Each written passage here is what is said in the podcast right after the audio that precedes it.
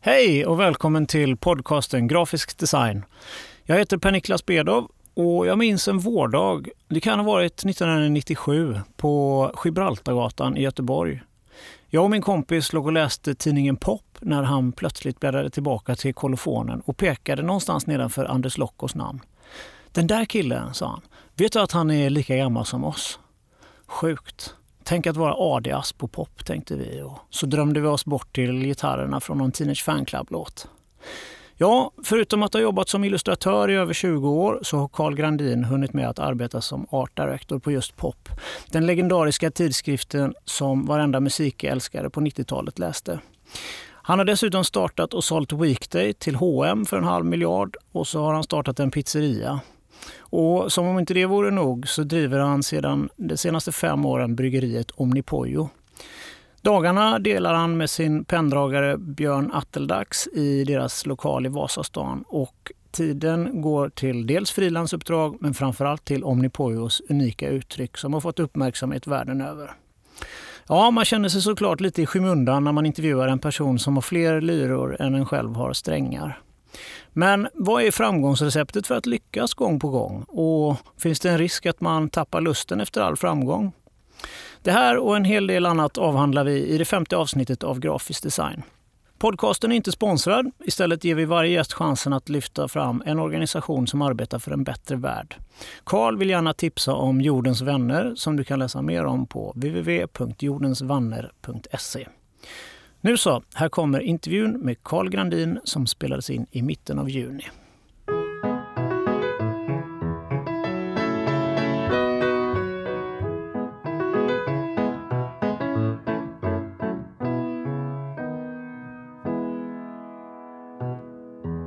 Hej Carl, välkommen till Grafisk design. Tack så mycket. Du har ju jobbat i över 20 år i den här branschen. Kanske inte eh, med grafisk design exakt, men du har ju varit involverad i, eh, i bolag och verksamheter som har jobbat med det. Hur har du lyckats hålla dig aktuell under alla dessa år?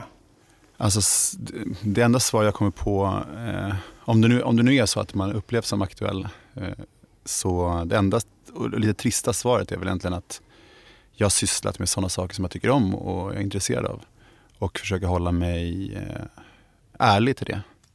Och ja, helt enkelt inrikta mig på att vara involverad i projekt som jag tycker om. Lite och skifta fokus kanske lite från, eh, när jag, när jag byter intresse så byter jag också eh, saker som jag arbetar med. Ja, det är intressen som har styrt det? Ja, så absolut. För du började ju på tidningen Pop i mitten på 90-talet va? Mm. Ja, men det kan man väl säga. Och där, där, eh, det var ju verkligen en, vad ska man säga, en smältdegel av kultur och det var ju liksom strax innan internet Eh, hade blivit stort och sådär, eller var någonting riktigt viktigt. Men de drev ju också någon, någon form av eh, webbyrå där tidigt. Det satt olika författare där, Camilla Floyd, tidningen Ocean hade någon sorts redaktion där också. Koala Press. Ehm, ja, det var mycket, mycket eh, som, som pågick där på en gång. Så där var det för en tonåring som var intresserad av musik och popkultur och sådär så var ju det naturligtvis på sätt och vis himmelriket att komma dit. Just det här att du är intresserad för, av populärkultur känns ju också kanske mm. som eh, en nyckel i, i, det här. Att du tittar på hela tiden vad kontexten, hur den ser ut. Ja, men det kan, man, det kan man väl säga. Mm, jag tror att jag helt enkelt blir besatt av de sakerna som jag eh, som, jag, som jag intresserar mig och jag tror att jag har en stark drivkraft att vilja göra själv. Som jag har haft sedan jag var riktigt litet barn. Att man vill ta tag i saker som intresserar en och prova hur kan det se ut från den här vinkeln eller vad händer om man skiftar det här perspektivet. Vad är du besatt av nu? Nu för tiden så är det egentligen jag kan säga att nyanserna kanske, det handlar mer kanske om nyanser nu än tvära kast de senaste liksom, tio åren. Så där. Men eh, jag intresserar mig mycket för, eh, för mytologier. Eh, jag intresserar mig mycket för eh, av religionsvetenskap, tycker jag är spännande. Och eh, ja, men kanske saker som har påverkat mig utan att jag studerat det så mycket tidigare men alltid har varit en så viktig del av livet. Kanske saker också som jag inte kommit så mycket i kontakt med tidigare. Kan det också vara vilka du omger dig med som, som gör att, att man är aktuell? Ja, men alltså, man kan väl säga att när jag började göra saker som var liksom grafiska uttryck så, där, så handlade det mycket, så var det relaterat till musik nästan 100 procent. Eh, när jag gjorde saker till, till kompisar som drev klubbar, till små festivaler och sånt där. För då kunde jag förhålla mig helt, jag kunde göra saker som var helt personliga. Det var ingen som tyckte till om dem. Jag kunde göra saker bara för att jävla som jag ville eller jag kunde göra saker eh, som jag inte hade sett eller jag kunde göra pastischer på saker. Och det var ett snabbt och enkelt medium. Och då var jag, blev, var jag förstås in, influerad av eh, DJs och andra eh, människor som organiserade saker. Så, där. så Jo, men jag, jag, jag, tror att, jag tror att när man har ett driv och vill vara, vill vara mer medskapare, då är det klart att man, liksom, man fler, sådana människor dras till varandra på något sätt. Så man, och sen så gillar jag att jobba i konstellationer, det gör jag absolut. Jag tycker om att stänga in mig i min ateljé, men eh, jag behöver eh, stimulans från andra människor. Och det är nog egentligen den enkla anledningen till att jag inte jobbar som, vad ska man säga, bara konstnär i en ateljé utan att jag faktiskt eh, vill testa andra former och testa saker som är gränsöverskridande kan man säga. Hur gick det till när du började på pop då? För då var du knappt 20 år eller? Nej, inte ens det. Jag måste varit eh, typ 17 eller sådär. För de som lyssnar nu ja. man, som inte känner till pop så kan man säga att det är en milstolpe i svensk eh, populärkultur. En ja, tidning precis. som skrev om musik precis. på ett nytt sätt. Man kan väl säga att det var en... Eh, nu var jag ju ung då när jag började jobba där men, men i mina ögon så var det den första tidningen som verkligen tog mm, rock och popmusik och dansmusik och sådär på allvar. Eh, att det inte ansågs som bara underhållning utan det var någonting som verkligen eh, ja, men togs på allvar på ett annat sätt än kanske det hade synts i tidningar som Slits eller som Nöjesguiden skrev om det och sådär. Eh, och, och, definitivt eh, på ett annat sätt än vad DN och, de tidningarna skrev om kvällstidningarna. Så det var ju, eh, plötsligt så blev det ju liksom high art av, av popmusiken. Och det var också ett, de, jag tror en del i deras charm var ju att man satte ihop det nya, obskyra mm, saker som till exempel underground dansmusik och sådär och gjorde kopplingar till eh, gammal blues eller till eh, musik som Bruce Springsteen eller eh, Prince eller sådana jätteartister. Liksom. Eh, och så plötsligt satt, fick man ett sammanhang på ett annat sätt. Och det låter ju märkligt idag kanske att, eh, att det skulle vara något nytt. Men då var det helt, det var ingen som hade gjort det på det sättet i Sverige i alla fall tidigare. Men och då läste du eh, tidningen Pop och ja, upptäckte den? Ja, jag tror att bodde man i, i Sverige då och var intresserad av pop kultur så var det liksom omöjligt att eh, undvika eller att missa den tidningen. Och den dök upp och såg ut som ingenting annat och hade ett uttryck som ingenting annat. Så det var ju någonting som, eh, eh ja, lyssnade man på musik så läste man den tidningen. Sen ska jag, jag var väl inte så super die hard fan av den, jag läste inte allting i den och sådär. Men jag förstod ju att det, var liksom, det här var det enda viktiga mediet för det som jag var intresserad av just då. Och jag gick på en, eh, ett estetiskt gymnasium och vi hade jag minns inte om det, om det var sista terminen och så, där, så hade vi några månaders praktik eller om det var en månads praktik eller hur det nu kunde ha varit. Som jag minns det var det ganska lång tid. Och då så funderade jag lite på vad jag ville göra. Om jag, eh, jag tror att jag frågade några kanske bokformgivare, någon annan tidningsformgivare. Så där. Den första som jag hörde av mig till var eh, Lasse Sund som var formgivare på, på POP. Lasse Sund och Stefania Malmsten. Och de sa att jag kunde få vara där. Så, så, började så det var en praktik du började där? Precis. Ja. Och sen så blev jag kvar där. Direkt efter gymnasiet då? Ja, precis. Så då, då körde jag bara på. Sen så var jag hos, sen var, jobbade jag som assistent till eh, Lasse Sund i några år. Eh, och vi gjorde ju en massa andra projekt också. Koala Press till exempel. Eh, men mycket musikrelaterat. Han jobbade väldigt mycket med den svenska indiescenen då. Han hade mer eller mindre eh, monopol på på det liksom så cred indie under den tiden. Och göra vadå skivomslag? Ja, göra skivomslag. Ja. skivomslag precis. Mm. Så, och, eh, vi gjorde Lollipopfestivalen, Fanclubfestivalen och sånt där. Eh, så han var ju liksom en magnet för den här typen av kultur då. Och nu, nu så gör han eh, Modernista, då, han Modernista förlag. Men det här var ju länge sedan. Så jag jobbade där i några år och sen så förändrades tidningen och gick in i en ny fas som kallas för Pop volym 2. Och det var när tidningen Bibel startade också som var Stefania Malmstens projekt framförallt. Och då tog du över på Pop? På Pop, ja precis. Och då, och eh, då tog jag över och var AD där under, nu minns jag inte hur lång tid det var, men de sista numren i alla fall. Mm. Eh, så det var kul. Och därefter så startade du Vår, ganska snart efter eller? Ja, egentligen så var det eh, samtidigt. Jag träffade eh, måste varit, jag tror att jag var 18 år, eller 18-19 år kanske, så träffade jag en kille som heter Björn Kärvestedt. Eh, Atteldax heter han nu för tiden, Björn Atteldax. Jag träffade honom på en klubb som en gemensam kompis till oss drev på de gamla offentliga toaletterna på Odenplan. Och han jobbade i baren där tror jag. Var det det som hette Tuben? Eller? Ja precis. Toaletterna tror jag hette då och sen tror jag det blev Tuben. Jag minns inte riktigt hur eh, omgångarna var med namnen där men det heter lite sådana där saker. Och Björn tecknade och um, gjorde flyers och sådana där saker som, som jag också höll på med. Och arrangerade egna fester och sådana där grejer. Så vi bestämde oss för att testa att göra lite grejer tillsammans. Och han var ju mer eller mindre mm, liksom datoranalfabet för den tiden. Och jag hade ett väldigt sug efter att teckna mer och komma tillbaka till det. Så jag hade, jag hade jobbat mycket med liksom lära mig Quark Express och sådana där saker. Och gjorde fanzines och sådana saker. Så då började vi eh, jobba tillsammans väldigt, eh, väldigt opretentiöst, väldigt liksom, utan någon direkt plan. Sådär. Och experimentera lite och se vad som händer när vi gör collage tillsammans. Och, ja, men en lekstuga helt enkelt. Och det här var samtidigt som jag jobbade på, jag precis hade börjat jobba på Pop, eller jobba hos, hos Lasse. Eh, och sen så sökte Björn till Beckmans och jag jobbade vidare. Och då hade vi det här som, man kan väl helt enkelt säga att det här var vår nattliga eftermiddags och nattverksamhet. Liksom. Så vi hade någon sorts dygnet runt-liv där ett tag.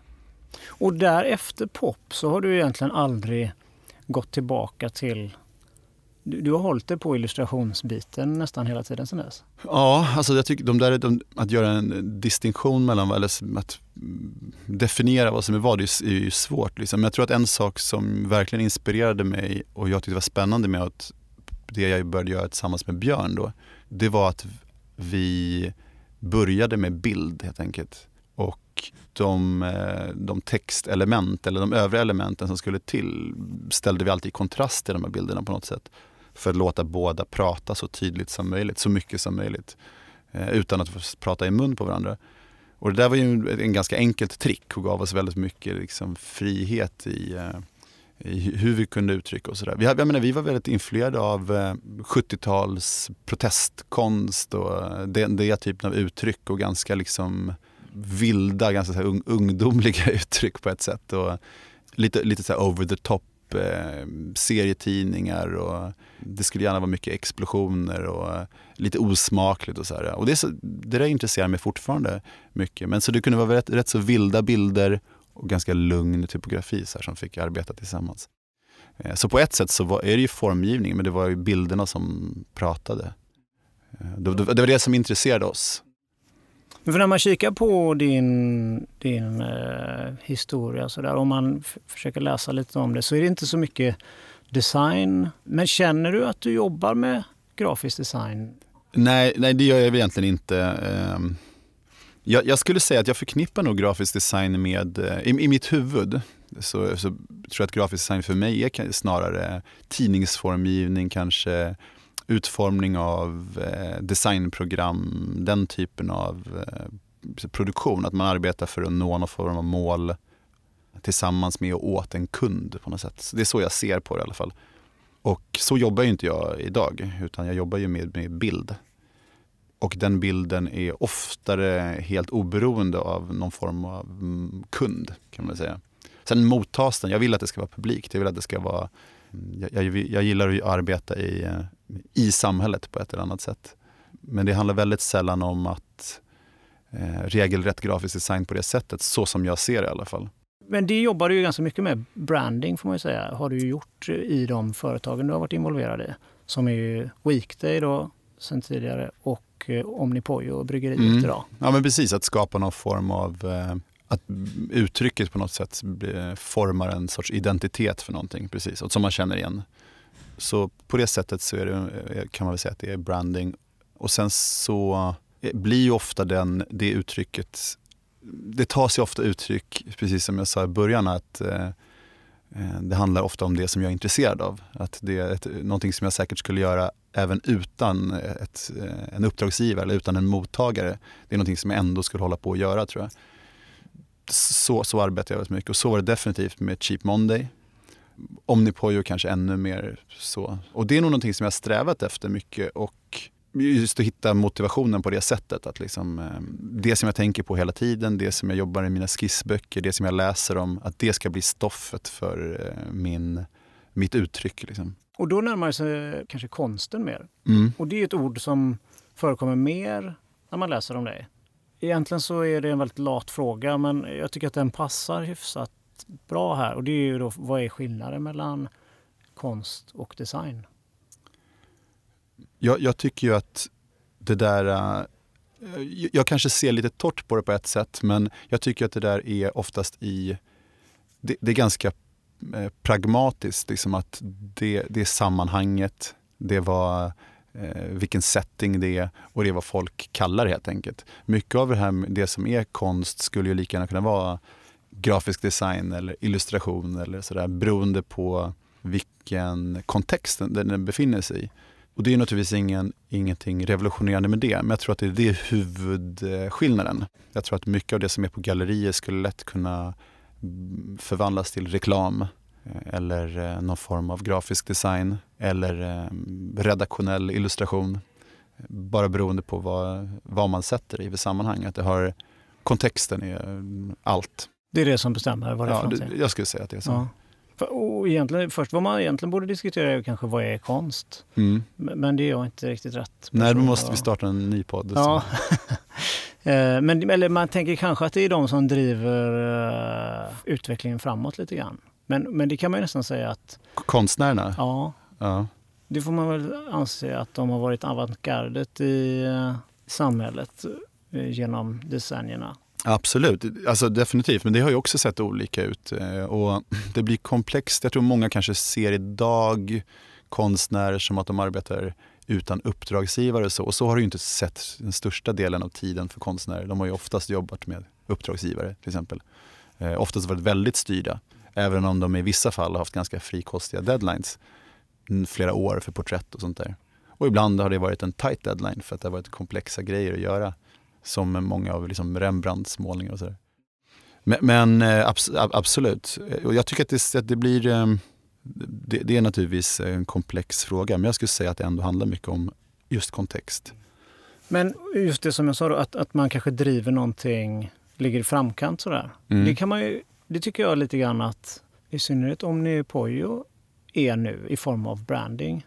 Det känns väldigt intuitivt hur ni arbetar, eller hur du arbetar egentligen. Mm. Och jag, tror, jag tror att det där, um, det, där, det som upplevs som intuitivt tror jag är egentligen bara mycket en produkt av att uh, jag försöker uttrycka det som jag är intresserad av just då och inte så mycket förhåller mig till de inom citationstecken sanningar och, eh, som finns där, det vill säga de här reglerna som man har fått lära sig. Jag menar, det är ju en klassiker inom alla kreativa sysselsättningar att bryta mot regler förstås. Det är ju liksom lika gammalt som, som reglerna är på något sätt. Men jag försöker att förhålla mig åtminstone fritt till reglerna och när man- att arbeta med att uttrycka saker på ett sätt som jag skulle vilja att det var. Så som jag skulle vilja att det såg, eh, att det syntes. Eh, det gör nog att det känns intuitivt och ganska fritt. Sen så är ju Om- i Omnipojo då, alltså att, att arbeta med, med, med bilder för öl. Det är ju lite grann på ett, på ett sätt så är ju det lite grann som att jobba redaktionellt också. Man har liksom en, eh, en ny chans att göra en ny, precis som man gör en, ett nytt nummer av en tidning som det var med pop till exempel så har jag möjligheten att göra en nytt, eh, tweaka uttrycket lite för nästa ölflaska som kommer ut. Och, och på sätt och vis i och för sig är det så med kläder också, nya kollektioner och sådär.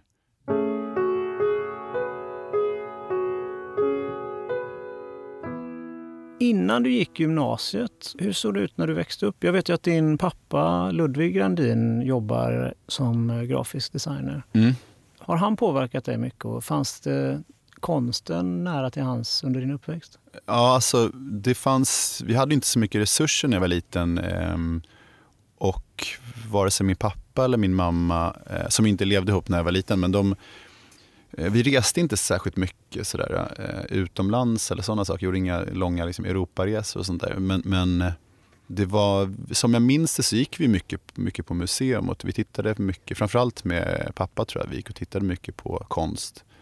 Och jag har några riktiga såna där eh, konstupplevelser som är väl ganska typiska för, liksom, nu när jag tänker på för ett barn, men jag tror påverkar mig väldigt mycket fortfarande. Och det var första gången jag såg eh, en John Bauer till exempel, eller jag såg eh, Dardels Den, den döende Dandyn, också en sån där som etsade sig fast i, i huvudet på mig. Och eh, också kom att vi kikade mycket på, på utställningar, eh, andra typer av utställningar. Till exempel så kommer jag ihåg att vi kikade på gamla böcker på Kungliga biblioteket och det tyckte jag var väldigt fascinerande. Eh, min, min, min, eh, pappa köpte alltid mycket vykort och sånt där. Och det, eh, så just det här med att titta på konst i det lilla formatet tyckte jag också väldigt mycket om. Eller affischer och sådär. Och det var, jag tror inte att det var så, alltså, eh, båda mina föräldrar jobbade mycket politiskt när jag var liten och hade ju inte en, kom ju från, eh, verkligen inte från någon eh, liksom highbrow eh, intellektuella bakgrunder på det sättet. Eh, eh mycket av den, eh, de bilder jag såg när jag var liten var liksom i form av eh, Eh, protestkonst eller eh, plakat och så, så, sånt där som förekom mycket liksom i demonstrationssvängen. Så där. Eh, och mycket folkkonst och sådär.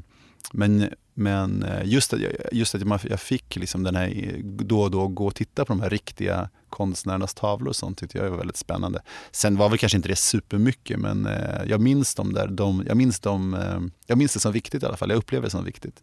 Och sen eh, in på mediegymnasiet då? Ja, precis. Eller det var väl liksom någon, eh, det var någon form av estetiskt gymnasium, liksom. bild och formen och så hette det. Eh, och eh, jag tror att jag bytte från samhällsvetenskaplig linje till tvåan till någon ny skola i Sollentuna.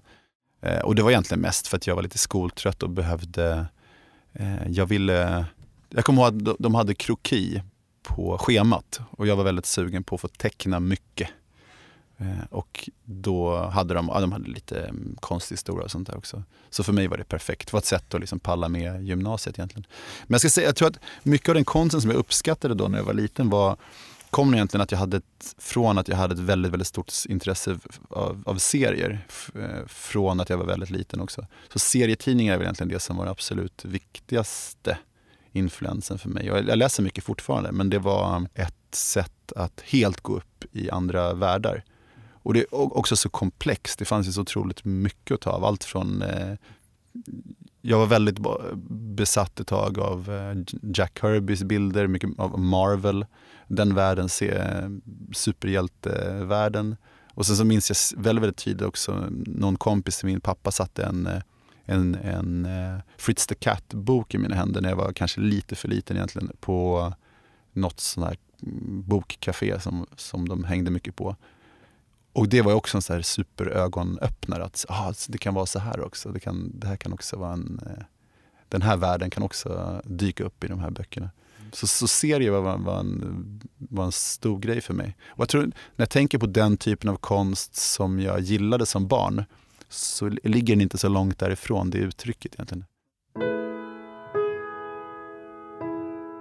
Sen så har ju du då jobbat under namnet Vår tillsammans med din kollega Björn. Mm. Och var det runt 2004 som ni kom i kontakt med eh, Weekday? Ja, det kan man väl säga. E-, egentligen så var det nog eh, tidigare än så. Vi, eh, Örjan Andersson som är den personen som startade Weekday, de, de var en liten grupp sådär, men han var den som väl, man kan säga, var centrum av hela den här operationen. Han spelade i samma fotbollslag, samma korpfotbollslag som min kompis Björn då. Så han, jag tror han stod i mål. Och han, så jag hade träffat honom genom det. Och Björn och jag hjälpte honom när han skulle starta en liten second hand, en liten vintage eh, klädbutik på Lilla Essingen tror jag det var. Jag minns det, det här var inte 2004, det var ju 2002 kanske? Ja, det var tidigare. För den hette ju Weekend? Eller? Den hette Weekend, för den var öppen på helgerna bara. Jag tror han jobbade nog på JC eller något sånt då och då, sen så hade han liksom inte fick inte nog med att jobba med jeans på veckodagarna så han skulle göra det på helgen också. Så då hjälpte vi honom med lite enkel, liksom, om det var, jag minns inte om vi gjorde faktiskt någon inredning eller om det bara var en skylt. Men det var väl liksom i princip det. Så då, det, var, det var någon sorts eh, primitiv variant av den här loggan som blev till Weekday-butikerna senare. Och week, Weekend förvandlades då, flyttade in till stan och blev Weekday istället. Och de satsade lite mer på det. Men det var ju fortfarande superlåg budget. Liksom, och han ville vara i kontakt med de typen av eh, liksom denimprodukter som han var intresserad av.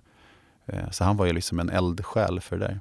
Och, eh, så då hjälpte vi honom med, med det, rita den här kaninen som är logotypen och det finns en form av textlogotyp också. Så där. Jag tror till viss del så finns ju många av de här beståndsdelarna kvar men i lite muterade varianter. Och hur såg... Eh, då var det som ni hoppade in och hjälpte till eh, lite här och där bara som vår då? Ja precis. precis. de, hade väl någon, de hade skaffat en lokal på uh, Olofsgatan inne i stan, nära Hö, Hötorget. Och, vi, och så hade de väl en budget för att fixa till den lokalen liksom, som var helt rå på kanske sådär 20 000 eller något sånt där. Så det var inte tal om något gage. Liksom. Vi hade inte råd att lägga något golv eller något sånt heller. Men eh, då, då pratade vi med några kompisar som hjälpte till att göra inredning. Eh, väldigt enkelt men, eh, men bra. Och liksom smälla upp något bord och sätta en kassaapparat på den. Och sätta upp en skylt. Typ. Då vid den här tiden, då var ju ni ganska eller det är ni ju fortfarande, men vår var ju redan ett, ett namn då. Mm. Ni var ju ganska stora och så. Men ni kände ändå att ett sånt här nollbudgetprojekt var intressant? Ja, alltså, vi har nog aldrig riktigt lämnat det där stadiet med det där flyer åt kompisar-stadiet utan det är nog eh, det har alltid varit en central del i det sånt vi håller på med. Och det är återigen, det är bara för att vi ska komma i kontakt med sånt som vi är intresserade av. Vi tycker om att jobba med våra vänner. Ehm, vi kan, vi kan ställa ganska höga krav på våra vänner när vi jobbar med dem för vi vill liksom inte jobba med vänner för att eh, bara för att tramsa runt. Utan, eh, men, men vi vill jobba med vänner som gör intressanta saker och har möjligheten att påverka sin omgivning liksom, på något sätt. Och vi tar gärna den chansen att få, jag menar, vi, vi trodde på hans projekt och vi tyckte det var jättekul. Sen var han ju målvakt i det här viktiga fotbollslaget såklart också. Och, ja, men var en sympatisk eh, person liksom, som vi ville eh, arbeta med. Vi har aldrig tjänat några stora pengar eller sånt där på det vi håller på med ändå. Så för oss spelade det inte så jättestor roll om man hade ganska lite eller väldigt lite pengar liksom på, på kontot just då. Jag tror dessutom att vi fick säkert betalt i liksom lite öl och jeans och sånt där. Så det var ju det, var det vi ville spendera pengarna på säkert just då ändå. Liksom. Eh, och då fick vi möjlighet att jobba med en kompis istället.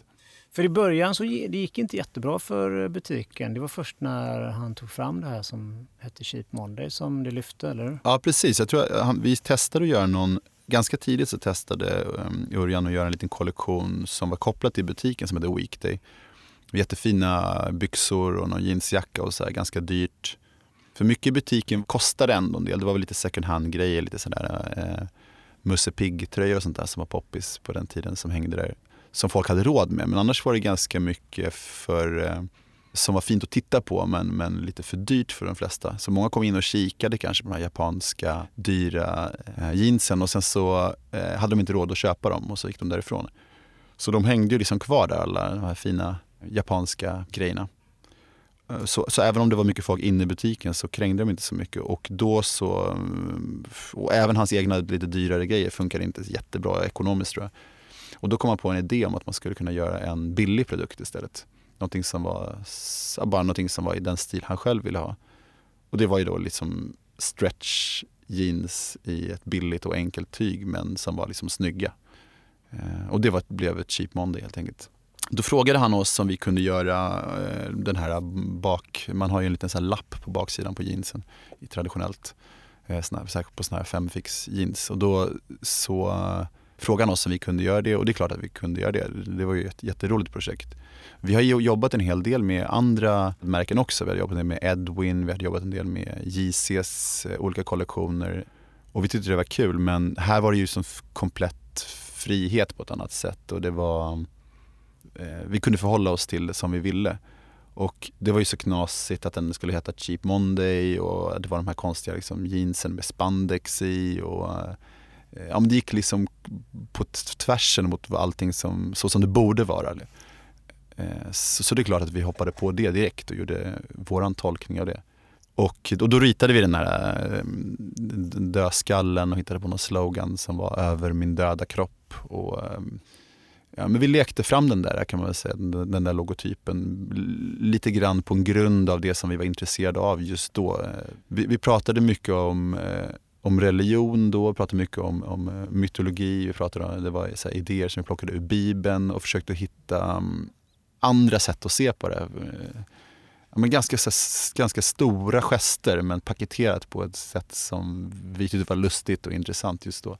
Omfattande grop att gräva i. Ja, abs absolut. Men redan då, jag kommer ihåg när vi satt på ehm, lunchstället där vi ritade den här logotypen, eller där vi kom, kom på den, att vi hade mycket att göra och nu skulle, ska vi ge oss in i det här projektet, då måste vi göra det det kanske bara blir ett par byxor men det kan också bli något som, eh, som fortsätter och eh, utvecklas på något sätt och ta nya former.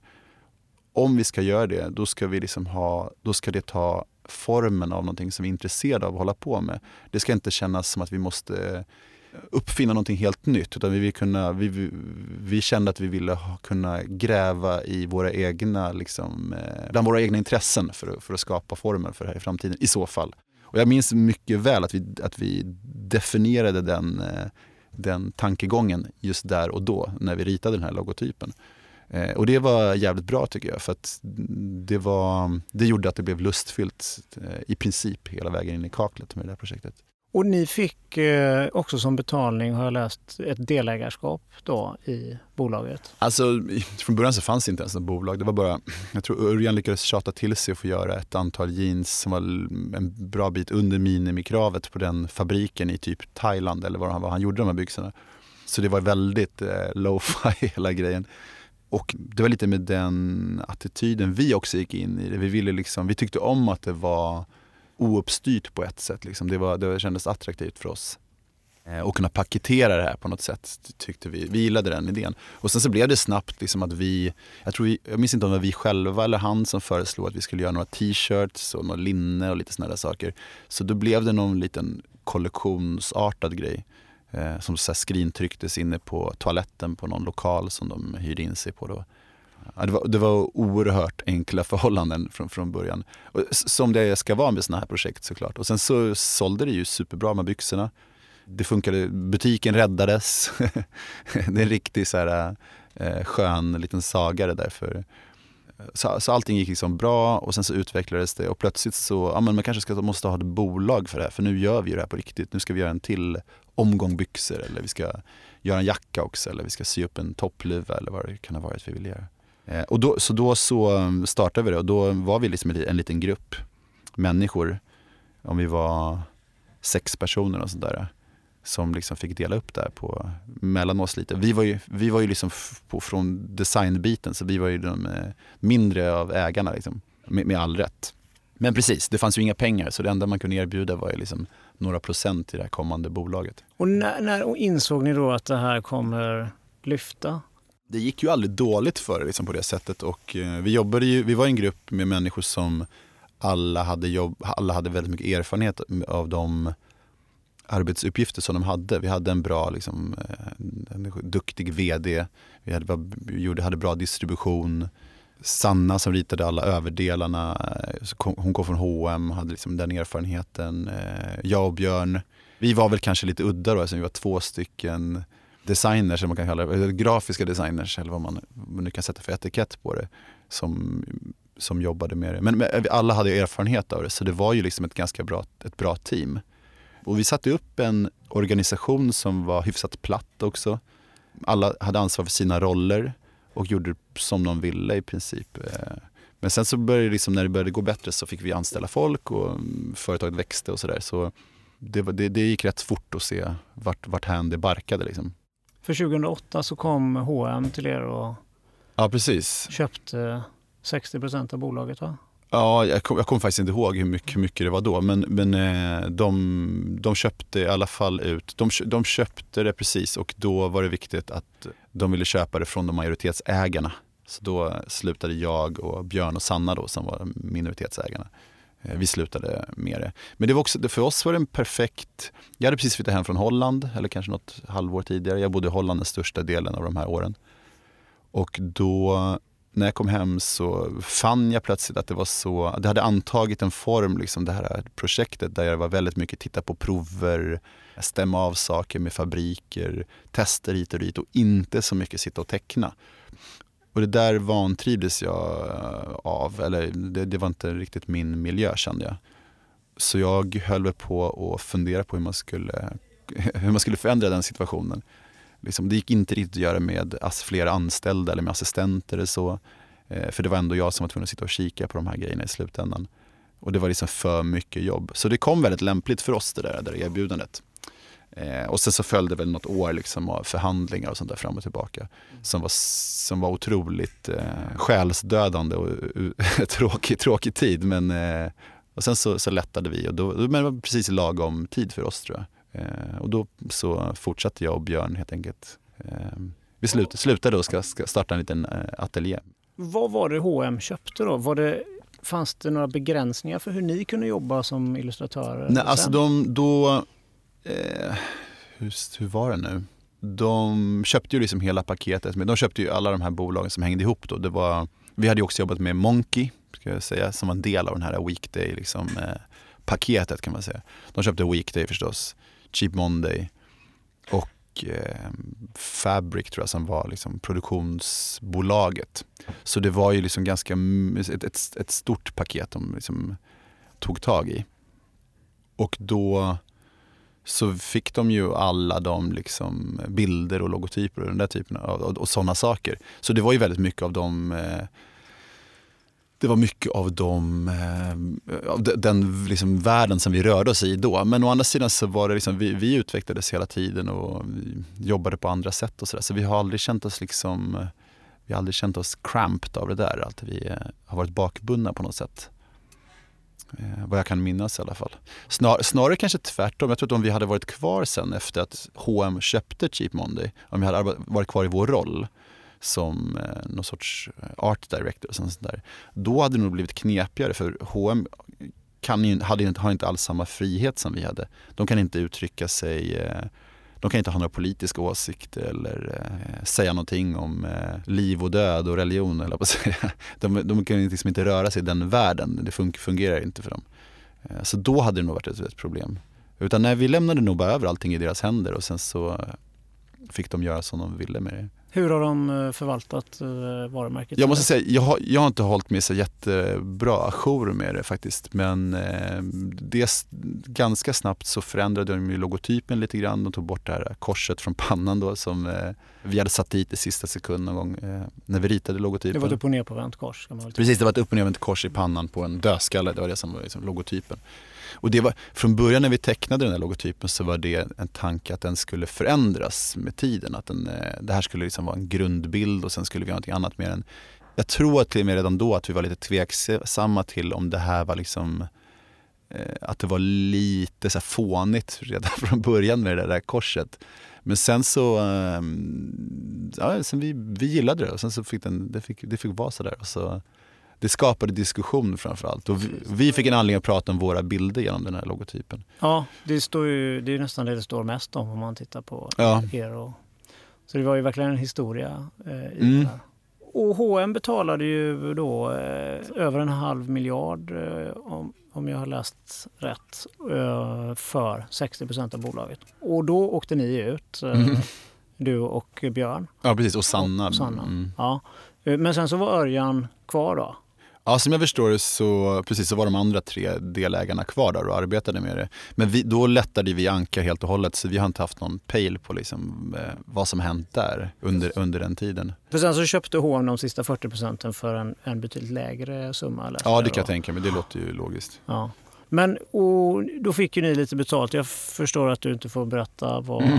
vad men hur påverkar en sån grej? För att det var, det var många miljoner ni fick ändå. Mm. Det rent praktiska som hände direkt efter det var att jag och Björn skaffade en, eh, en egen ateljé. Vi har alltid suttit liksom på några kvadratmeter och delat med massa andra människor. Nu kunde vi plötsligt skaffa ett ställe där vi kunde lägga in ett trägolv. och vi kunde, vi kände, framförallt så var det förändringen för oss att vi, kunde, vi arbetade själva igen. Liksom vi hade, plötsligt hade vi inga assistenter som jobbade med oss. Vi eh, hade ingen, eh, inga fasta arbetstider på det sättet som vi hade haft under några år. Vi eh, hade inga kollektioner att göra. Så det första som, som slog oss, då, det första som så här, sköljde över oss, det var ju att vi kände oss oerhört fria. Liksom. Och sen är det klart att vi, då kunde vi ta en tid där vi kunde kontemplera det här lite grann och eh, ja, men fixa med vår ateljé och komma i ordning lite grann. Men i stort så har det inte påverkat oss sådär supermycket ska jag säga. Vi gjorde ett projekt direkt, ganska direkt efteråt. Det var att vi, jag och Björn och Sanna startade en, eh, en liten restaurang i närheten av där vi bodde då. Det var en, en, en pizzeria som låg runt hörnet från där vi bodde. Så då eh, tänkte jag att någonting måste vi göra nu när vi har slutat vårt andra gemensamma projekt. Så då startade vi en pizzeria. Som heter Pizza Hut? Då. Som heter Pizza Hut ja. Med H-A-T-T? Ja precis, och vi hade det där lite Göteborgslustiga namnet. Det var, eh, kom sig av att vi ville, det blev liksom någon form av symbol för att vi skulle, eh, det där var någonting som vi startade vi, vi minns anledningen till att vi startade. Vi ville göra det här av ren lust, väldigt lokalt på en plats. Det var liksom ingenting som skulle tas vidare och bli någonting annat än vad det var. Utan man skulle liksom göra det precis där. Och då tänkte vi att med, om vi omöjliggör någon form av expansion genom att döpa det till ett, till ett namn som inte går att använda till någonting vettigt. Så har vi liksom låst fast oss vid den här tankegången. Jag tänker, det är så mycket startups nu i Stockholm och så många som får in pengar och sådär. Borde det inte kunna komma en, en, någon form av tomhet sköljandes över en när man får en stor summa pengar? Ungefär som när en idrottare slutar en karriär eller sådär. Att man vet inte riktigt. Om man har kommit då från, som både du och jag verkar göra, mm. att man kämpar med, med, att hålla verksamheten igång. Och, mm. eh, man tar lågbudgetprojekt och man tar gratisprojekt ibland. Och mm. sådär. Att om man helt plötsligt får jättemycket pengar så nu kan man göra vad vi vill. Ja, alltså... Jo, jag, jag, förstår vad du säger, men jag tror att, jag tror att vare sig jag eller Björn, då, som jag, vi jobbar ju delvis tillsammans och vi delar fortfarande ateljé med varandra, men det är det har aldrig varit någon issue för oss. Jag skulle säga att vi jobbar på ungefär samma sätt. Vi kanske tar lite andra, tar oss an lite andra typer av projekt vi eh, jobbar kanske ännu mer lite friare och ställer kanske lite höga krav. Men jag vet att många har ansett oss som lite knepiga alltid. Vi har alltid ställt höga krav på folk vi arbetar med och vi har var, jobbat ganska kompromisslöst alltid. Liksom. Ehm, så på sätt och vis ja, vi kunde fortsätta med det helt enkelt. Så, mm. så upplever jag det på något sätt. Nej, ingen, ingen tomhet. Sen så har den här Cheap Monday-grejen då, det var ju något som utvecklades från Weekday, precis som eh, vi pratade om. Men det var en väldigt kort och intensiv period. Och den ledde som jag, som jag nämnde också ganska snabbt till en situation som jag inte trivdes superbra i och kände att eh, det här måste förändras på något sätt. Så eh, nej, det var, en, det var en väldigt behaglig utveckling. Och sen därefter så har du då startat Omnipojo. Ja, precis. Tillsammans med Henok Fenty. Henok Fenty, ja. Och kan du inte berätta lite om hur det startade? Jo, jag minns att det var precis när vi startade pizzerian. Så det måste varit liksom några månader efter eh, hela Cheap Monday-perioden eh, var över. Vi hade, vi hade slutat arbeta med eh, Cheap Monday och så. Och kommit i ordning i vår nya ateljé och sådär. Och då var det en kompis till eh, mig som eh, hade en vän som hette Henok då, som hon hade pratat så mycket om och han bodde i eh, Bryssel och bryggde öl jag tror han pluggade någonting där men, men framförallt så hade han varit, eh, var han hembryggare där. Och han hade börjat göra en egen öl som han ville släppa som en kommersiell produkt. Någonting som skulle finnas tillgängligt liksom på restauranger och så. Och jag tror att hon, eh, hon visste att jag gillade att jobba med, med eh, den typen av hon trodde mitt uttryck skulle passa för det här. och Hon visste att jag gillade att jobba med eh, produkter. Att det är något som jag gillar, att liksom, eh, saker som mul eh, multiplar på något ett eller annat sätt. Och hon trodde att, typ, att vi skulle kunna komma överens om det här, eller med, göra något intressant av det här. Jag tror hon kanske hade sett skisser eller något sånt där på eh, liksom, vart han det drog, hans grejer. Och, tyck, och hon tyckte väl att när han ändå gör en så pass unik grej, han gör någonting som är alldeles eget, så borde inramningen och utformningen också ha ett mer unikt eh, uttryck. Så vi träffades och jag, jag och Henok träffades då. Han var i Stockholm, tillbaks i Stockholm. Eh, och han presenterade det här projektet för mig och berättade om eh, den här eh, ölen som heter Leon som han ville göra. Och jag minns det som att han var väldigt förlägen när han berättade projektnamnet han hade för det här ölmärket då. eh, Omnipojo, det var någonting som hade, som hade kommit till honom i en dröm eller något sånt där. Och eh, jag tyckte det lät helt fantastiskt. Det var ju, liksom, det var ju eh, någonting som jag verkligen, verkligen ville hålla på med. Det fanns ingenting som jag inte tyckte om med den här, de här idéerna.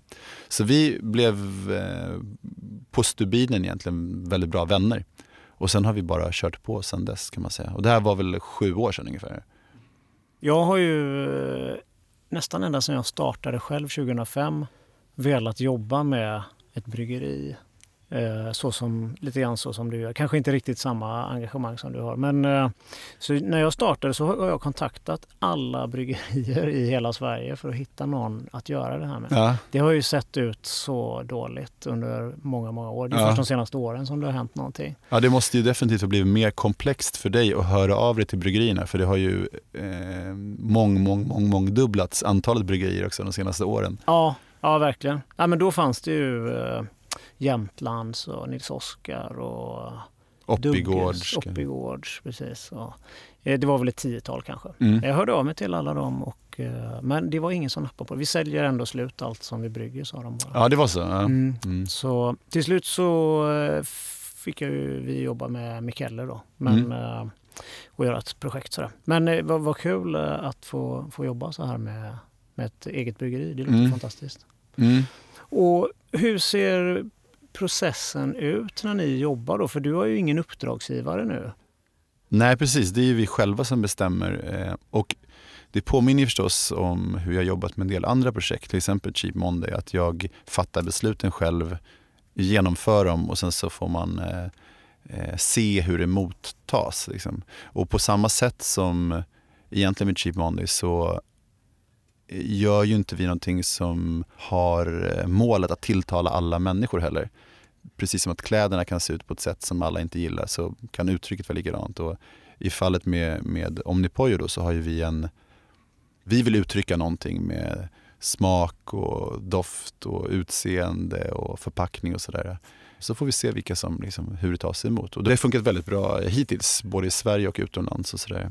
Men, men precis som du säger så har vi ju ingen, det finns det ju ingen uppdragsgivare. Och från första början när jag träffade Henok så pratade vi egentligen inte jättemycket om hantverksöl eller eh, eh, hur flaskorna skulle se ut eller så, så där, utan vi pratade om vad vi gillade för filmer och vad vi eh, hade läst för böcker och vad vi eh, gillade för konst och vad man fick för bilder i hjärnan.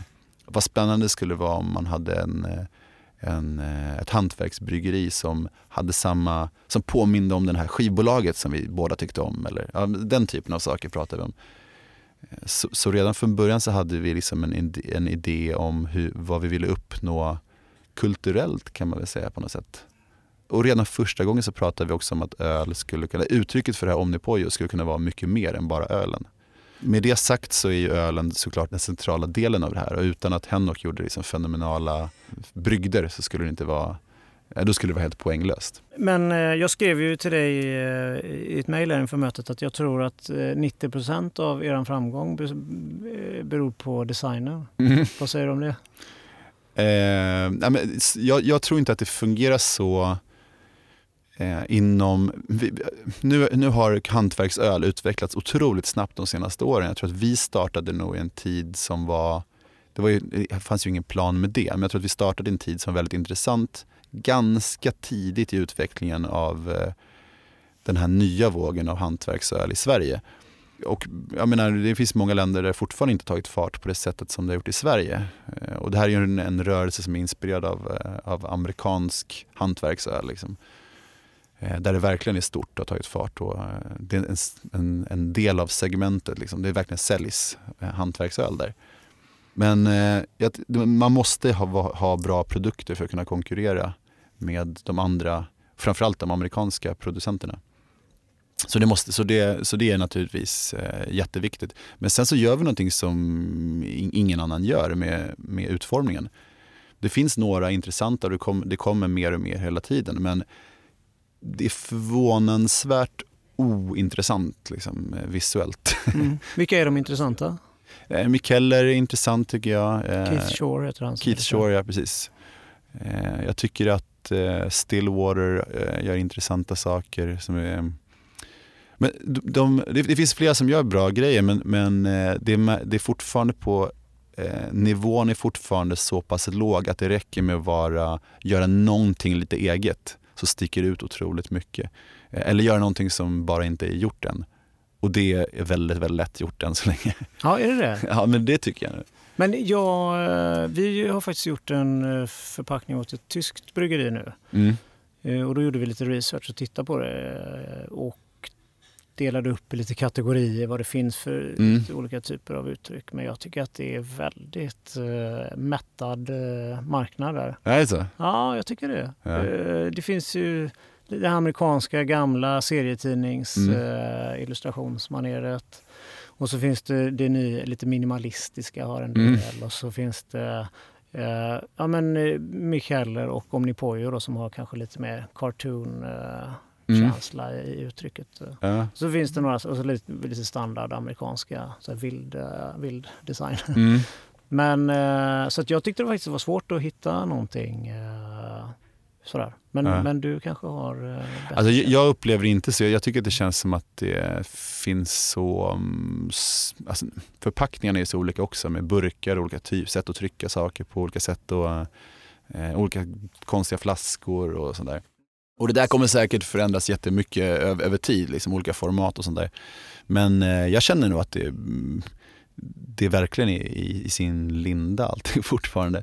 Att det kommer utvecklas eh, ännu mer. Och jag tror att fler kommer kanske våga lita på starkare uttryck och mer tydliga uttryck. Varför inte jobba med mm, konstnärer eller låta formgivare liksom gå, gå in 100% i produkterna och sådär, och göra grejer. Men jag tror att många, många, för många producenter eller många bryggare tror jag att, att det är så pass, att det är, de har en idé kanske, de har någon, en romantisk känsla eller någon sorts, det är någonting som ligger dem nära om hjärtat det här. Det ska se ut som en öl. Och det tror jag håller många tillbaka också. Eller så är det mm, traditionen som man ser påverkar mycket av de amerikanska ölen. Att det, den här fanzinartade stilen, att det är liksom lite dödsmetall, macho, ehm, ett skelett med en, eh, en humlekottehuvud. Den estetiken som är, som är väldigt vanlig och framförallt var väldigt vanlig för några år sedan. Den eh, kommer sig ju av att folk helt enkelt eh, gjorde labels själva. Gjorde sin egen design. Och det är ju superhärligt som med vilken annan fanzinkultur som helst. Men det blir när, när också det uttrycket blir liksom väldigt likriktat så eh, känns, känns det väldigt trött. Annars så kan man ju känna, förutom den här senaste femårsperioden när det har kommit lite mer lekfulla uttryck så har ju tradition varit 98 procent av marknaden. Det känns ju... Det spelar ingen roll om en öl är från 1623 eller Nej. 1812. Och jag, till exempel vet jag att eh, Oppigård som jag då kontaktade till exempel har ju Mm. eh, taglinen början på en tradition. Mm. Eh, det bara känns så jävla dåligt positionerat. Ja. Eh, det är ju inte därför man köper deras öl. Det är för att det är någonting nytt och roligt. Ja, jag förstår vad du inte menar. för att det om 50 år är en tradition. Nej, nej, men det- det, är sant. Jag, jag tycker till exempel så har ju eh, Dugges ett bra exempel på ett bryggeri som har ändrat sin, sitt uttryck. Eh, och, och de, har, de har alltid haft ambitionen att göra någonting intressant. Men nu har de igen liksom förnyat sig och hittat någonting som jag tror är mer eh, någonting som är populärare om man kan uttrycka sig så. De hade ju ganska eget uttryck. Ja, verkligen. Det var ju också lite så här fanzine. Jag tror att det var, de jobbade med en konstnär som gjorde liksom de här collagiga bilderna och sådär. Ehm, Men nu har de lite mer sådär fluorescerande Ja, färg. precis. precis. Ja. ja, jag såg någon öl på systemet här för ett tag sedan. Ja. Som, eller jag köpte den till och med och drack den. Den var jättegod. ja, de är ju toppen. Vi, vi producerar ju en del. OmniPo är ju inte ett, ett fysiskt bryggeri heller, utan vi producerar ju på olika platser runt om i världen. Bland annat så brygger vi lite grann på Sigtuna här i Stockholmsområdet och på, nere hos Dugges på, utanför Göteborg. Ja, ni brygger hos Dugges? Ja, precis. Ja. Vi gör ganska mycket grejer där nere faktiskt. Vad kul. Eh, och de är superbra på, vi, vi hittar ju bryggerier att jobba med som är bra på att brygga de typen av öl som vi vill göra. Så det är, i, i, vissa fall gör vi liksom bara mörka stouts på ett ställe och vi brygger lageröl eller pilsner på ett ställe och gör fruktöl på tredje ställe och sådär. Brygger ni hos Proof bryggeri i Ja precis, Belgien? Pr- Proof som, är, som, eh, de, de som också brygger åt Mikkeller. De, eh, det var där vi började brygga och det var, det var där Henok bryggde sin första öl. Eh, Då tjatade han till sig. Det påminner lite, lite, faktiskt lite grann om den här Cheap Monday-storyn. Det börjar alltid med att någon får tjata. Så då tjatade han till sig lite plats där och fick göra några varianter på det här ölet som sen blev Leon då, som är en öl som, fort, som vi fortfarande producerar faktiskt. Som finns på Systembolaget och sådär. Eh, Den görs på proof. Men nu brygger vi på 11-12 ställen runt om i världen. Ja, det är så många. Mm. Ja, vad kul. Men om vi backar till flaskorna igen. eh, Det som jag tycker skiljer er från Mikkeller det är att ni lägger ju mycket eh, pengar på, på flaskorna. och sådär. Ni skrintrycker ju. Eh, de har väl nästan uteslutande etiketter va? Ja, alltså det är ju i förändring lite det där. De har ju, gör ju mycket nu i sitt, de har köpt ett fysiskt bryggeri i San Diego där de producerar och de, då har de satsat på lite egen etikettkvalitet och sådana där saker. Så de, de har ju sina liksom eh, de kör sitt race också. Det är kul att du säger det med, med skrintryckta flaskorna för en av mina idéer har varit att vi ska satsa på några produkter där det, där det är... Från början ville jag att allt skulle vara skrintryckt. Det ska, liksom, det ska vara ett enkelt sätt att känna igen våra grejer på. Eh, det är fint också att slippa den här eh, papperslappen som, ska, som blir naggad i kanten och sådär. Eh, egentligen så ser ju produkterna ganska olika ut. Vi har både etiketter och stickers och skrintryck och folieringar inslagna i papper. Vi har burkar. Vi har burkar med en sorts gummisliv på. Vi har burkar som är, som är tryckta direkt på. Vi har liksom flexotryckta grejer och så vidare. och Så vidare. Så det finns en massa olika format. Eh, men jag gillar om man tänker på Omnipojo som ja, men det är de där skrintryckta flaskorna. De andra får åka lite snålskjuts på. Eh, och det är inte så dumt tycker jag. Det, det, gör att det betyder att, de, att det kan vara lite spretigt och se ut på lite olika sätt men att man ändå får en känsla av att ja, det är ju det här som är Omnipojo. Eh, det tycker jag är väldigt lyckat. Det är roligt tycker jag. För med flit så har jag inte, jag har inte haft någon eh, jag har inte ett strikt designprogram. Vi har inte haft någon eh, ordentlig logotyp som vi använder oss av. Vi har nästan aldrig namn på framsidan på våra produkter. Vi jobbar med bilder och den bild, de bilderna är, förändras med mm, mitt sätt att teckna helt enkelt över, över åren också. Eh, hur eh, pass liksom, eh, ambitiöst eller maximalistiskt eller minimalistiskt eller vad man nu vill uttrycket ska vara. Det, det har varit i förändring hela tiden. Men jag, jag, det, är, det är kul. Jag, blir, jag, blir, eh, jag ser det som något positivt när man upplever det ändå som någon form av enhet. Liksom. Ja, men det, det känns det som. Men det finns ingen designstrategi bakom det här att ni sitter ner och pratar om, fan ska vi inte positioneras lite så här eller? Ska? Nej, det gör det inte. Nej. Vi bara kör. Mm. Och, och, och från allra första början så, så jag, jag minns att jag visade henne några skisser på vad jag ville göra. Den första etiketten är ett, ett nyckelhål som innehåller en sorts, det är någonting som väller ut ur det här. Och jag tänkte att det var lite som att kika in i Henoks liksom idé om den här äh, världen som han rörde sig i då med, med det här ölet han skulle göra. Och då, och då visade hon lite skisser, jag hade lite idéer. Jag gjorde massa varianter på den. Sådär. Eh, och egentligen inte så mycket för att han skulle ha, ha åsikter om den utan mer att det kanske vore kul att byta bilden ibland. Eller, eh, för då hade vi ju ingen tanke på att vi ska göra fler än ett öl. Eh, då, då var det liksom Omnipojo, då var det Omnipojo och Leon var liksom samma sak på något sätt. Sen ganska snart så insåg vi att vi måste göra flera olika typer av öl. Och sen vågar man göra en sån här öl och en sån här också. Och Henok utvecklades som bryggare också. Och då, så det har varit, vi pratade tidigare om det här med att en intuitiv känsla. Det här har ju varit oerhört intuitivt. Det har verkligen varit eh, vad vi känner för att göra. Så det. Sen är det klart att vi har ju, eh, vi är inte helt liksom gröngölingar så vi har en känsla för vad som kan fungera och sådär. Men just designmässigt så har jag upplevt det som att det mest effektiva har varit att bara ja, men, jobba på det här sättet för mig. Liksom att ju, ju mer personligt det känns desto, desto mer effektivt är det. I början så var det, var, mötte det mycket motstånd, eh, framförallt från våra eh, importörer och distributörer, att det inte stod något namn på, det var inga tydliga beskrivningar och sådär, utan det var bara en bild, att man fick bara en känsla. Det är väl tydligt i sig i och för sig. Ja precis, men, men det kan också vara, det, det, var, det var nytt och konstigt. Och det tycker jag är bland de bästa sakerna som finns, eh, när någonting kan vara nytt och, och konstigt. Men första gången man ser någonting så kan det vara lite jobbigt när man är van att arbeta med något annat format, då, om man är en importör eller distributör. Men efter några sådana här upprepningar så, så förstod ju folk vad det var. Och när vi har gjort tre, fyra öl, då förstod ju folk att ja, men är det en, bara ett nyckelhål på den eller bara ett ljus eller bara en, en kam eller vad det nu kan vara på flaskan. Då är det antagligen de här Omnipojo och det brukar vara bra öl. Så.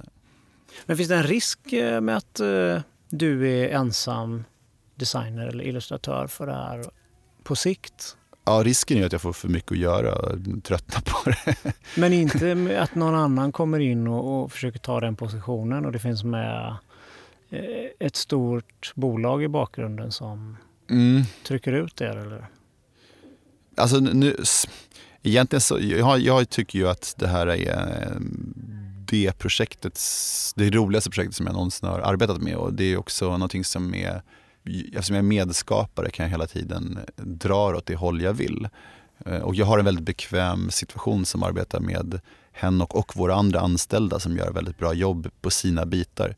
Så jag kan i princip hålla mig till min ateljé och göra mina bilder och det är det som jag vill hålla på med. Nu så har jag en, eh, sen några månader tillbaka så har jag anställt en, Eh, en assistent också som, som gör mycket av jobbet runt omkring. För jag ska mer kunna fokusera just på tecknandet.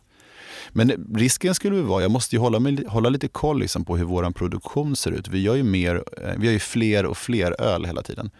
Och eh, det är inte, jag vill kunna lägga ner x antal liksom timmar eller dagar eller veckor på varje bild för att det ska vara bekvämt för mig att jobba med det. Jag vill inte hamna i en situation där jag måste liksom spotta ur mig saker eller eh, lämna saker åt slumpen. Liksom. Jag vill att allting ska vara genomarbetat.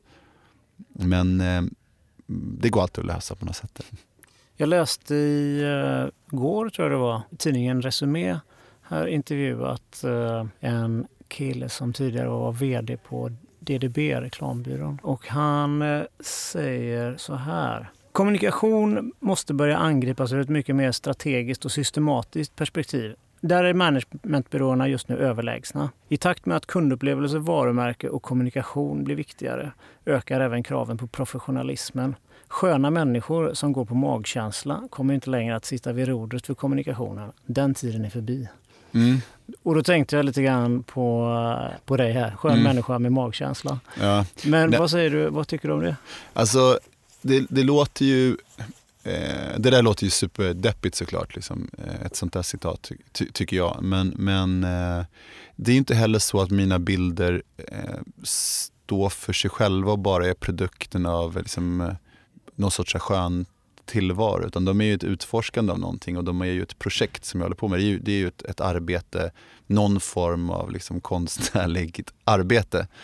Eh, och de är ju på väg någonstans och de bygger ju tillsammans Eh, Eh, en, en bild, en sorts universum. Liksom. Och så har jag, har jag nog alltid arbetat med den, den typen av historieberättande för att använda en eh, nu för tiden lite utsliten term.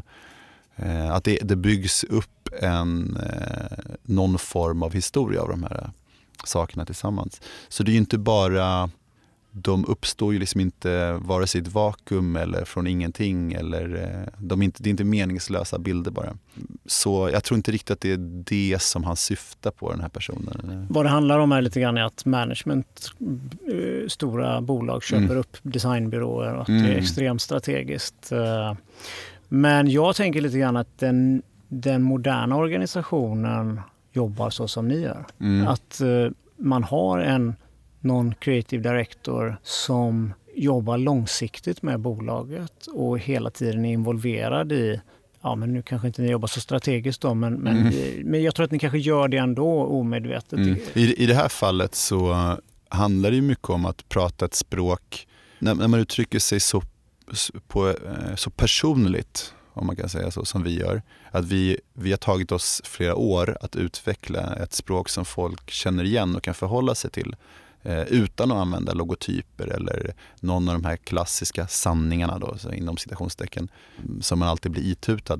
Och eh, det gör ju att det blir såklart lite känsligt liksom, att man, eh, varenda beståndsdel blir viktig. Men samtidigt så har man alla de andra beståndsdelarna att förhålla sig till. Och det blir ett personligt uttryck och jag ser att Henoks brygder är hans personliga uttryck. Eh, mina bilder är mitt personliga uttryck och tillsammans blir det någonting. Därför är det oerhört viktigt för oss att de som vi arbetar med på alla plan i vår organisation, nu är vi ganska få, vi är sex personer, men eh, att, att alla pratar samma, vad ska man säga, samma kreativa liksom, eh, dialekt. Mm. Vi liksom andas samma luft. Och, och då måste man liksom ha en insyn och en känsla för vad Omnipojo är för någonting, om det är Omnipojo man ska hålla på med. Så upplever jag det.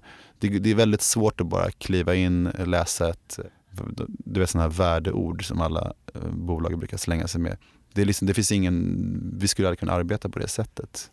Men betyder det att den dagen du inte vill göra det här längre, då dör bolaget? Ja, då är det kört. Ja. Nej, jag, jag, jag, tror, jag, jag, tror säkert att det går att göra. Alltså, jag tycker Omnipojo ta, har tagit sig varje år liksom olika typer av former. Och naturligtvis som du säger, jag, jag och Henok pratar ju om strategier för vad vi ska göra för någonting. Eh, och mycket har ju gått ut på att vi vill ha intressanta liv med stor kreativ eh, eh möjlighet att uttrycka oss kreativt på sätt som vi är intresserade av. Men vi omvärderar ju de här liksom situationerna allt eftersom företaget förändras och sådär.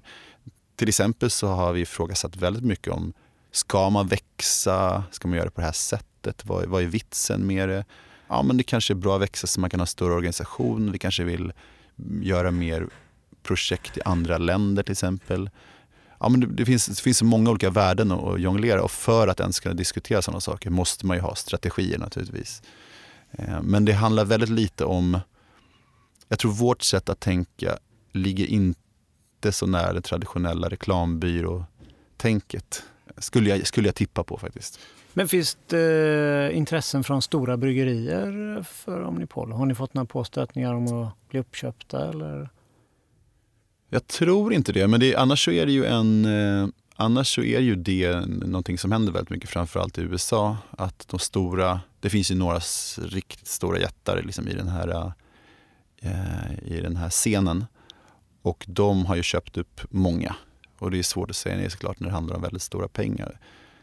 Men vi har, vi, vårt mål är ju att hålla på. Vi har, vi har massor av idéer vad vi skulle vilja göra med Omnipoyo och det är inte förenligt med att det skulle vara liksom ägt av några andra. Inte heller att, alltså vi är ju väldigt eh, vår, vår, absolut främsta fördel från allra första början var ju att vi var så otroligt liksom snabba. Och på, vi kunde fatta ett beslut på en lunch och vi kunde förändra allting. Eh, så blev det lite större, blev lite, lite trögare. Men vi är fortfarande en liten, snabb organisation. Och, eh, det är smidigt och, och sådär. Och det, det, skulle liksom inte funka med eh, en större organisation eller med någon annan form av ägare. Ni har ju alla de här parametrarna som eh, startupsen vill ha med. Agila och iterativa. Ah, Okej, okay. ja. det är bra. Ja. Men du har aldrig jobbat på någon design eller reklambyrå? Va? Nej, det, det har jag inte gjort. Eh, och jag tror egentligen att anledningen till det är att jag har eh, aldrig varit intresserad av att sälja saker egentligen. Alltså, jag har inte varit intresserad av att um, eh, jag, vill att saker, jag är intresserad av att saker ska synas och intresserad av att de ska finnas i samhället och jag är intresserad av att delta i eh, samhällsdiskussioner och debatter och sådär. Och jag vill att mina verk ska finnas där och liksom eh, i bästa fall mm, väcka intresse och nyfikenhet och kittla folks fantasi på ett eller annat sätt. Eh, oavsett om man liksom är för eller emot. Sådär. Men jag har aldrig känt att jag har eh, varit intresserad av att sälja saker. Eller, och ingen av de här projekten jag arbetat med heller, min, mina e-, egna projekt, då, vare sig liksom autonomt eller i grupp med andra människor, har jag känt att jag har kunnat säga, ja, men om jag gör så här, då kan jag garantera att vi säljer de här grejerna. Det har liksom inte varit det. det jag, jag, kan utforma saker och jag har idéer om hur man ska göra det men jag skulle inte säga att det någonsin har liksom borgat för att, de, att vi driver volym. och det där äh, det, det, ja, det är nog helt enkelt så att jag tycker om äh, att liksom utforma sakerna och jag, jag tycker om att liksom arbeta fram den där världen. Men sen liksom själva marknadsföringsbiten får bli, eller blir en biprodukt på något sätt för mig. Så jag har aldrig liksom arbetat med reklam på det sättet. Även om jag har gjort eh, teckningar till liksom reklamkampanjer eller till eh, saker som används i reklamsyfte och sådär när jag har frilansat. Men ser du bara ett steg framåt då? Att nu levererar jag och säljer min enhet till byrån eller företaget eller sådär. Du har inte ett steg till i tanken där att det här ska sen sälja en annan enhet? Eh, du, menar du med något specifikt projekt? Eller Nej, men jag tänker eftersom du säger att du inte har tänkt, du är inte intresserad av att sälja någonting. Nej. Utan du, du säljer ju ditt verk till en, en ett företag mm. eller en organisation eller en byrå eller vad det är. Mm. Och sen ska ju den enheten i sin tur sälja deras produkt eller tjänst. Om det kan vara ja, en, eh, alltså, ganska ofta så är ju saker som, eh, som är en utformning av en produkt. Liksom, eller att det är en, eh, if, if, i, eh, om det är en ölflaska så är ju det liksom hela förpackningen är ju själva liksom utformningen är ju förpackningen. Eh, och jag, eftersom jag inte jobbat så mycket med just annonser och sånt där så eh, har jag ofta sluppit liksom det ledet. Men när jag gör saker och jobbar i liksom den här kommersiella sfären då har jag ett, framförallt ett intresse av att göra någonting som känns ovanligt eller eget. Någonting som känns personligt och är mitt uttryck snarare än att försöka komma på en strategi för hur det här ska kunna liksom kränga den eventuella produkten. Så på sätt och vis, ja, det är komplext det där förstås. Det, det, det, beroende på hur man ser det så eh, blir det ju flera eller färre led naturligtvis. Men, men, när jag eh, slutade jobba på, på POP, eller när vi la ner POP och eh, Stefania Malmsten och Lasse Sund skulle, de startade en byrå som heter Kingston. Och då funderade jag ju länge på huruvida jag skulle gå vidare och jobba med dem som var formgivare som jag beundrade väldigt mycket och de gjorde fantastiska saker, hade mm, superkul eh, kunder och sådär. Men då kände jag att det var, jag ville hellre ut på liksom eh, djupt vatten och testa att göra någonting som inte var en byrå i den traditionella meningen. Och, då, och då, det var då jag började arbeta heltid med vår, alltså med mitt samarbete med Björn Atteldags. Eh, det, det, var ju liksom ett eh, lite läskigt beslut på ett sätt men eh, det var en total frihetskänsla också. För vårt sätt att arbeta handlade mycket om att vi diskuterade saker eh, som, som, politik eller eh, vad vi tyckte om dagsaktuella händelser eller för all del väldigt övergripande stora frågor. Och de här diskussionerna sen tog vi med oss in i de arbeten vi gjorde. Sen kan man väl säga att vi tillsammans bygg, byggde upp eh, bilder eller form lite grann som när barn leker, leker fram en lek med varandra. De har vissa grundförutsättningar eh, och de, som, som, de, som de känner till. Men de behöver inte leka exakt på samma sätt med i den här leken utan eh, på något sätt så växer det fram någonting ändå. Det där tycker jag är jättefascinerande när man kollar på ungar som bygger med klossar eller lego. Att man eh, Eh, delar någonting. Men spänningen ligger i att de här, det blir någonting tredje av de här två personernas kreativa liksom, eh, kraft. på något sätt. Eh, och det där är någonting som vi har försökt att utforska mycket. Och det hade du inte kunnat få på en byrå kanske? Jag tror att det hade varit svårt att sälja in den idén att nu ska vi testa det här.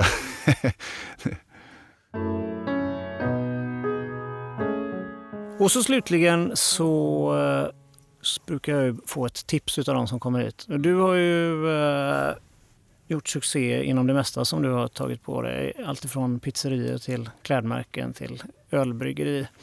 Jag har en produktidé som vi funderar på att eh, realisera. Vad, vad, skulle du vilja ge för tips till mig om jag startar upp den här parallellt med vårt kontor? Eh, jag, jag, tror att de flesta projekt som jag har gett mig in i har ju inte slutat precis som jag har velat att de ska göra. Eller, eh, och vissa har ju naturligtvis fallerat totalt. Men jag har haft turen att liksom kunna arbeta vidare med några av de projekten som faktiskt har fungerat. Och eh, jag är glad över såklart. Misslyckanden lär man ju sig supermycket av. Och det har ju gjort att det har kommit in mer energi och mer, jag har blivit smartare när jag har gjort saker nästa gång. Men det som jag hela tiden vässar på det är att försöka göra sakerna mer personligt, liksom att det passar mig bättre. Att det är lättare för mig att eh, om någonting inspirerar mig ska jag kunna liksom kanalisera det direkt in i projektet. Och Det tycker jag att jag har blivit bättre på.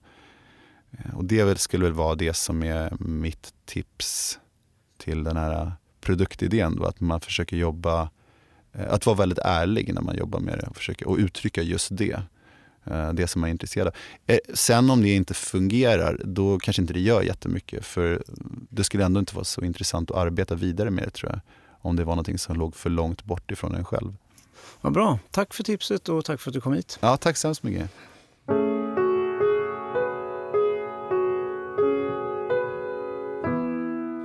Ja, så lät det när jag träffade Carl Grandin. Mer om honom hittar du på www.carlgrandin.com eller www.omnipojo.com. Det här var det sista avsnittet av Grafisk design för säsongen i alla fall. För målsättningen är att vi är tillbaka till hösten. Det finns ju så många spännande personer i branschen som jag vill prata med.